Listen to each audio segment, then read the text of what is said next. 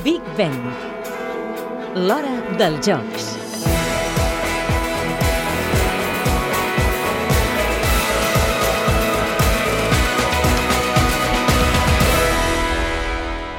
Els Jocs de Londres oferiran la tornada d'una de les grans figures de l'esport mundial i és que llevat d'una sorpresa serà en l'escenari on el nedador australià Ian Thorpe es capbussarà de nou.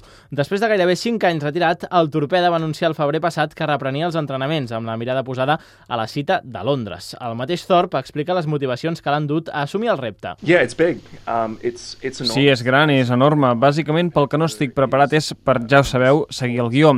I assumeixo aquest risc. De fet, hagués estat molt més còmode quedar-me assegut i no fer res, però encara tinc el desig d'aquelles coses en la natació que no he fet i que m'agradaria aconseguir.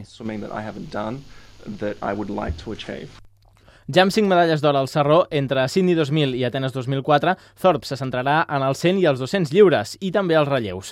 La falta de temps l'obliga així a deixar de banda els 400. Amb tot, l'australià és conscient que el seu anunci el posarà al centre dels focus. The level of expectation that's on me El nivell d'expectació que recau sobre meu és enorme. Probablement és l'única via de complir les meves expectatives i no vull fallar a la gent, no em vull fallar a mi mateix. I aquest fet pot ser un molt bon motivador.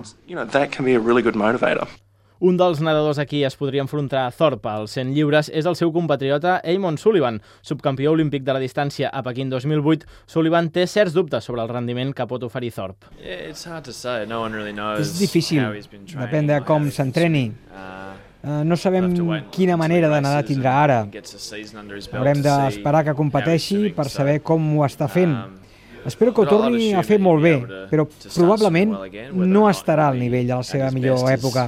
És difícil de dir. Per sortir de dubtes i saber si el pronòstic de Sullivan es complirà, encara queden uns quants mesos.